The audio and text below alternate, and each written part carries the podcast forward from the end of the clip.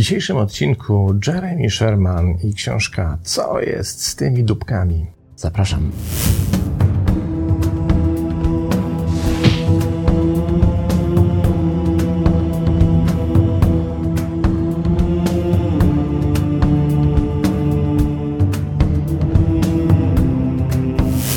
I zanim się okaże o co chodzi w tym jakże bulwersującym tytule, sprawdźmy kim jest autor książki.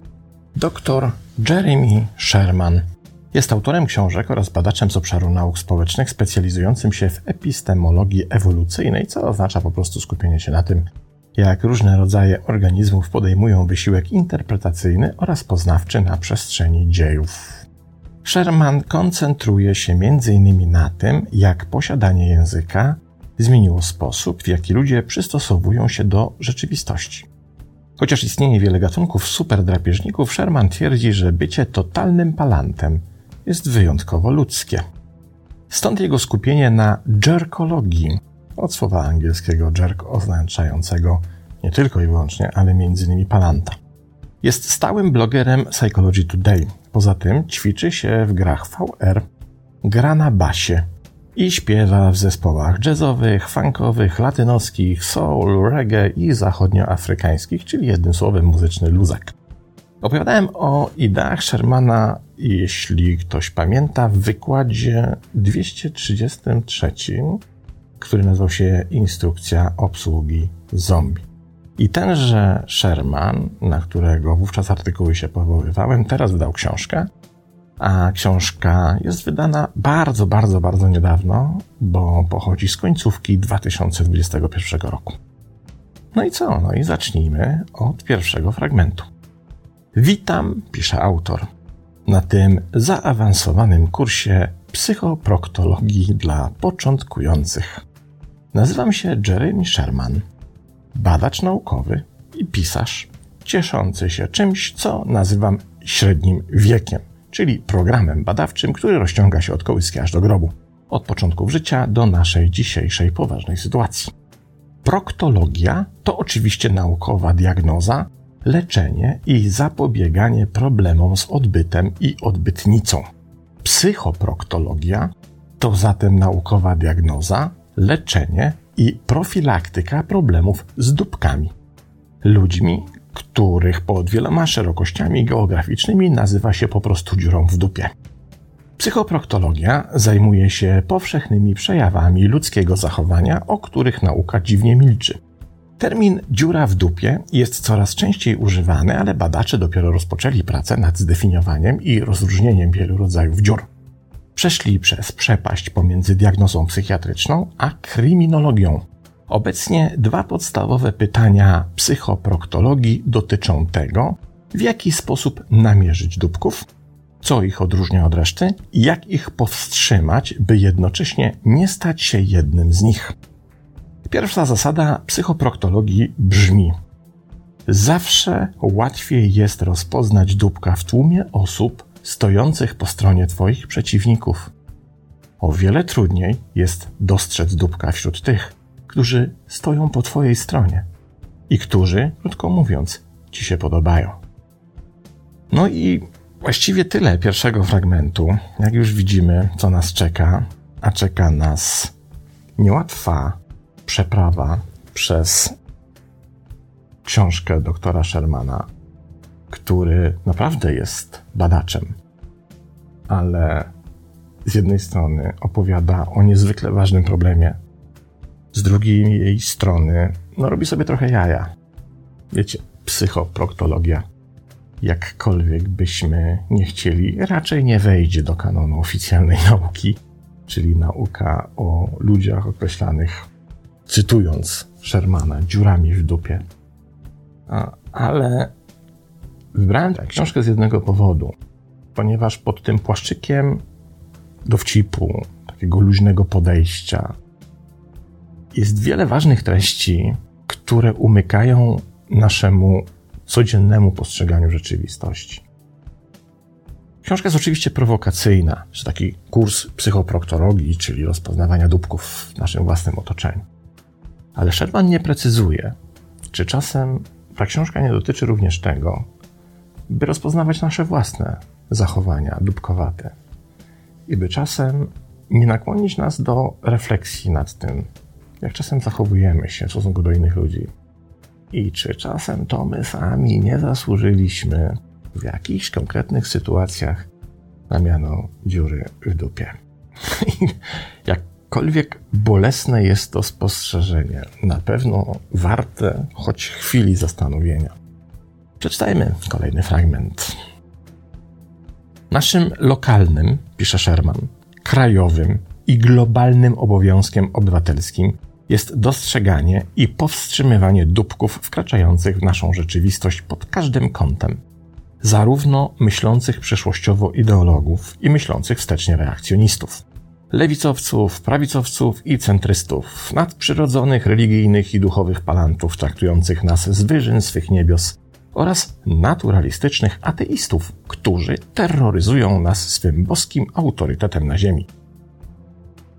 Ironia losu polega na tym, że dupki są wszędzie, w każdym ze środowisk.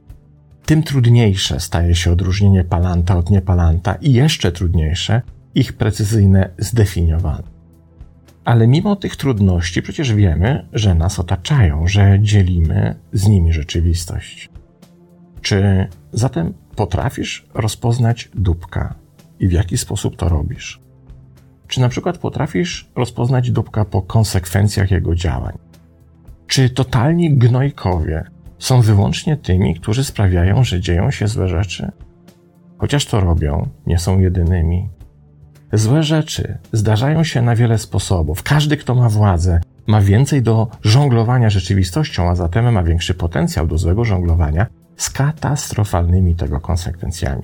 Ale nie każdy popełniony błąd dowodzi, że ktoś, kto go popełnił, jest dupkiem. Życie jest niepewne, a my często nieświadomie domagamy się, aby nasi liderzy zachowywali się tak, jakby mieli być idealnym przykładem definicji dupka. W końcu, im więcej masz mocy, tym bardziej chciałbyś dysponować idealną sposobnością do jej przećwiczenia. W każdym z nas, ludzi, istnieje pokusa, aby być dupkiem.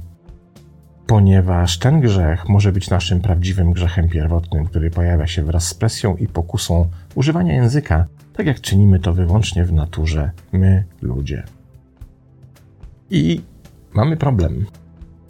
Bo po pierwsze, musimy zacząć poważnie myśleć, czy czasem to nie my sami prowokujemy zachowania, które później nazywamy zachowaniami definiującymi dupków, dziury w dupie, palantów, jak tam ich zwał. Czy czasem nie my, świadomie czy też nieświadomie, nie prowokujemy tego typu sposobu bycia, nie przyzwalamy na to. Weźmy sobie prostą sytuację. Weźmy sobie społeczeństwo, które jest zarządzane przez dupka. Jakiegokolwiek, jakiegokolwiek kraju. Ktoś go wybrał, nie? Ktoś na niego zagłosował. Ktoś zdecydował, że ten koleś zarządza tym społeczeństwem, które ponosi konsekwencje tego zarządzania. I teraz jest pytanie, czy to jest tylko i wyłącznie wina tego jednego nieszczęśnika, a może wina tych, którzy na to pozwolili, by ktoś taki zaszedł aż tak wysoko. Tych pytań jest bardzo wiele i one zaczynają dość poważnie przeformatowywać nasz sposób myślenia o nas samych w świecie, naszych relacjach społecznych. Bo nazwać kogoś dupkiem jest najłatwiej. Powiedzieć, o to opala, to, to idiota, to kretyn i tak dalej. Ale uświadomić sobie, cały mechanizm powstawania tego zjawiska społecznego, to w jaki sposób my przyzwalamy na to, że ktoś taki decyduje o naszym finalnie życiu, o tym, w jaki sposób my będziemy funkcjonować. To już dużo trudniejsze i cięższe zadanie. I myślę, że prowokacja Shermana, oczywiście przy całej jego potężnej pracy. Wiecie, książka składa się z bardzo wielu różnych rozdziałów, które krok po kroku pokazują technikę rozmowy z dupkiem, żeby się nie dać takiemu komuś przegadać, żeby mu się nie dać zmanipulować, żeby się nie poddać, żeby wiedzieć, na jakie argumenty, nawet najbardziej durne, bezsensowne, jakimi argumentami odpowiadać. I pod tym względem Sherman rzeczywiście wykonał kawał potężnej roboty. Ale to, co dla mnie najistotniejsze w tej książce, to właśnie ten rodzaj refleksji, do których ona skłania. I przekierowaniu swojej uwagi nie tylko z tej istoty dupkowatości na zewnątrz nas, ale być może przede wszystkim do naszego wnętrza. Okej, okay, przeczytajmy dalej. Sherman pisze tak. Często słyszę, że dupków nie da się zatrzymać, że powinniśmy ich po prostu zignorować, odchodzić, zostawić dupka samemu sobie, olać, ale nigdy z nim nie walczyć. A co wtedy, kiedy musisz zmierzyć się ze świnią, tyranem, który chce zabić twoją rodzinę? Z drapieżnikiem seksualnym w pracy, byłym czy byłą, która nie daje ci spokoju. Wtedy zawsze się ubrudzisz, a świnia to jeszcze bardziej polubi. Mimo to świnie lubią też, gdy z nimi nie walczysz. Otrzymują wtedy dowód ich autorytetu.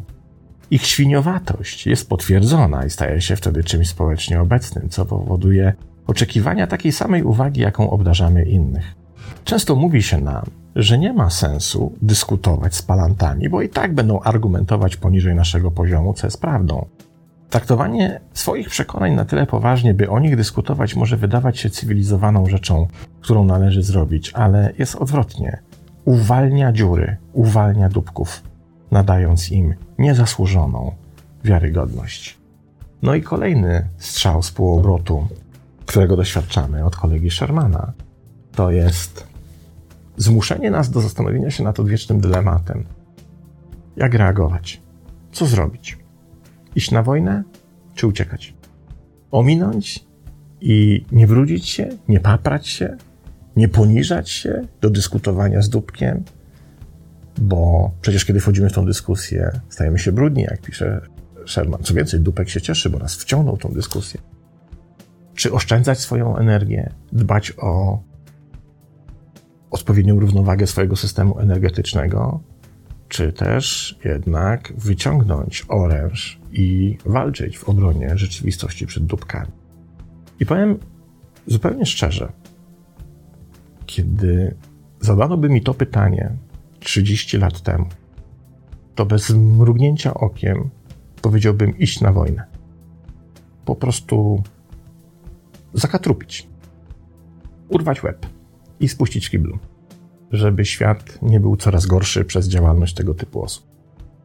Ale im jestem starszy, im więcej wody w Nilu upływa, tym mniejszą skłonność do tak radykalnych postaw wykazuje. I pewnie to nie do końca dobrze, że coraz częściej wybieram oszczędność energetyczną i oszczędzanie własnej bańki, zamykam się w tej bańce, nie chcę mieć z tym nic wspólnego. Idź, chłopie, być głupi gdzie indziej. Idź wypowiadać swoje debilne poglądy, gdzie sobie chcesz, ale nie mów ich bezpośrednio do mnie. Jak mówi John Oliver, wypieprzaj z ekranu mojego telewizora albo wypieprzaj z ekranu mojego komputera ze swoimi komentarzami. Bo co z tego, że ty te komentarze zamieszczasz w internecie, skoro ja je czytam na moim komputerze, a ja na moim komputerze nie chcę czytać komentarzy kogoś takiego. To jest jakaś optyka. Ale im jestem starszy i im bardziej się skłaniam do zamknięcia się w tej bańce, która jest oczywiście wygodną ucieczką od rzeczywistości, nie ma się co czarować, tym Mniej jestem pewien, czy robię dobrze. Nie znam na to odpowiedzi. To jest wygodne wyjście. Nie babrać się, nie brudzić się. Ale z drugiej strony, kurczę, kiedy wszyscy jesteśmy tacy wygodni i kiedy wszyscy zamkniemy się w tych bańkach, no to nie dziwmy się potem, że świat wygląda tak, jak wygląda, że zarządzają nami ci ludzie, którzy nami zarządzają, że podejmują za nas społeczne decyzje ludzie, z którymi nie chcielibyśmy się nawet mierzyć na argumenty, bo wydaje nam się to poniżające rozmowa z kimś takim. Ale ten ktoś decyduje o naszym życiu. Myślę, że skoro sam nie mam na to odpowiedniej recepty i wskazówek, co jest lepsze, co wybrać, to nie powinienem też udzielać takiej recepty innym Ale to z drugiej strony ok, bo to otwiera potrzebę samodzielnego odpowiedzenia sobie właśnie na ten dylemat. Każdy z Was musi to zrobić samodzielnie, indywidualnie i pamiętać, że każdą decyzję, jaką podejmie w tej sytuacji, musi również wiązać z konsekwencjami tej decyzji dla siebie w przyszłości, dla, nas wszystkich, dla naszego całego społeczeństwa. Trudny dylemat. Bardzo trudny, ale trzeba się z nim czasem zmierzyć. Co radzi autor? Hmm. Mówi coś takiego.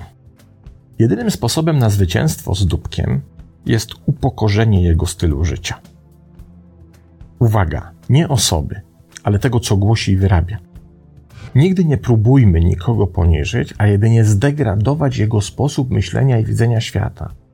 Chcemy, by zaczęli dojrzale myśleć, racjonalnie się zachowywać. I to jest karkołomne wyzwanie, bo ulubioną bronią dupków, niezależnie od tego, jakie masz intencje, jest zawsze stosowanie interpretacji Twoich wymierzonych w nich działań jako upokarzania nie ich poglądów czy stylu życia, ale upokarzanie ich samych. Natychmiast włożą Cię w ramy osoby, która próbuje ich zawstydzić, odebrać im godność czy wolność wyrażania opinii. Teraz to ty musisz się wstydzić za to, że usiłowałeś kogoś zawstydzić. I na nic są twoje tłumaczenia, że chciałeś jedynie zawstydzić poglądy, a nie osobę. Oni i tak wiedzą swoje. Stąd trudno się dziwić naszemu eskapizmowi, który w takiej sytuacji jest nieunikniony. Ponownie, będąc tym wyjątkowo posługującym się językiem gatunkiem, my ludzie ponosimy ogromny ciężar. Zbyt wiele słów i zbyt wiele wyobrażalnego świata do końca dnia potrzebujemy przerwy. Stąd ten eskapizm. Potrzebujemy odsapnąć w ochronie naszego energetycznego systemu. Ale często też dokonujemy eskapizmu, tłumacząc sobie, że walka z dupkiem jest poniżej godności naszego człowieczeństwa. Jednak zakładając, że bycie cywilizowanym rozwiązuje wszystko, stajemy się pomocnikami, wspólnikami w zaludnianiu Ziemi przez coraz to większą rzeszę dupków. I za to zapłacimy koszt potężny koszt. To sytuacja, w której ludzie żyją, by żałować całych części swojego życia, które spędzili na przyjmowaniu nieuczciwego, gównianego ryczenia fałszywego wierzącego jako wyrazu uczciwych przekonań. No więc właśnie, po której stronie staniesz? Jak widać, na co wskazuje Sherman, Istnieją zasadne argumenty po obydwu stronach. Trudno się dziwić i oceniać nasze wybory w tym względzie, wkładając je wyłącznie do takiego czarno-białego pudełka, w którym wiadomo, że jeśli coś jest czarne, to nie jest białe, jeśli jest białe, to nie jest czarne. To nie jest taki prosty wybór. Odcieni szarości widzę tutaj tysiące, jak nie wiele, wiele, wiele tysięcy. Niewiele z tym pewnie można zrobić poza tym, by wybrać, by dokonać indywidualnego wyboru, o którym już mówiłem. Jednak autor jest radykalny i on nie do końca mówi, że jedna strona ma tyle samo dobrych argumentów, co druga. On radykalnie chce, byśmy poszli na bój. Posłuchajmy. Mimo wszystko nie poddawaj się, pisze Sherman. W kółko demaskuj ich domniemane zwycięstwa, mówiąc, ta osoba zachowuje się tak, jakby mogła ogłosić się oficjalnym zwycięzcą debaty, w której bierze udział. Możesz odeprzeć ich formułę tak formalnie, ponieważ biorąc pod uwagę ich formułę, wszystko co powiedzą w odpowiedzi potwierdzi Twoje oskarżenie.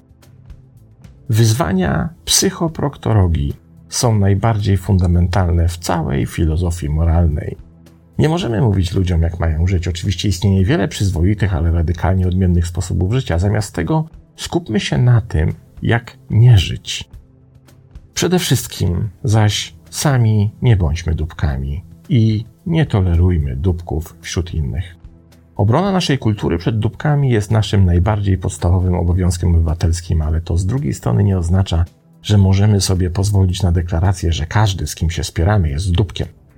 Musimy nasmarować nasze wieżyczki obrony cywilnej, aby obracały się w kierunku zagrożeń dupkowatości nadchodzących z dowolnego kierunku. Trwałość każdej inteligentnej formy życia wymaga zdolności do skutecznego zniechęcania do absolutnie urojonych błędów poznawczych. W tym celu inteligentne formy życia muszą wymyślić, jak narzucić swoje wątpliwości tym, którzy powiedzieliby cokolwiek nieuzasadnionego, aby wolność karty atutowej doprowadziła nas wszystkich do upadku. Coś za coś. I trudno się dziwić Shermanowi w jego diagnozie, że jeśli wszyscy dokonamy eskapizmu, to prędzej czy później nie będzie już od czego uciekać, bo nie przetrwamy jako gatunek. Ale z drugiej strony, ja jednak optuję za takim wyjściem, by to każdy zdecydował za siebie w swoim indywidualnym sumieniu, co zrobić. Ale zanim podejmiemy taką decyzję, naprawdę i dzięki tej książce warto się przyjrzeć temu, czy czasem my sami nie zachowujemy się w różnych kontekstach i sytuacjach w stosunku do wielu różnych osób. Właśnie tak, by później zasłużyć na miano dziury w dupie. A to jest dość nieprzyjemna perspektywa, nie? To tyle. Jeremy Sherman, słuchajcie, końcówka 2021 roku i książka Co jest z tymi samymi dupkami. Pozdrawiam i następnego razu.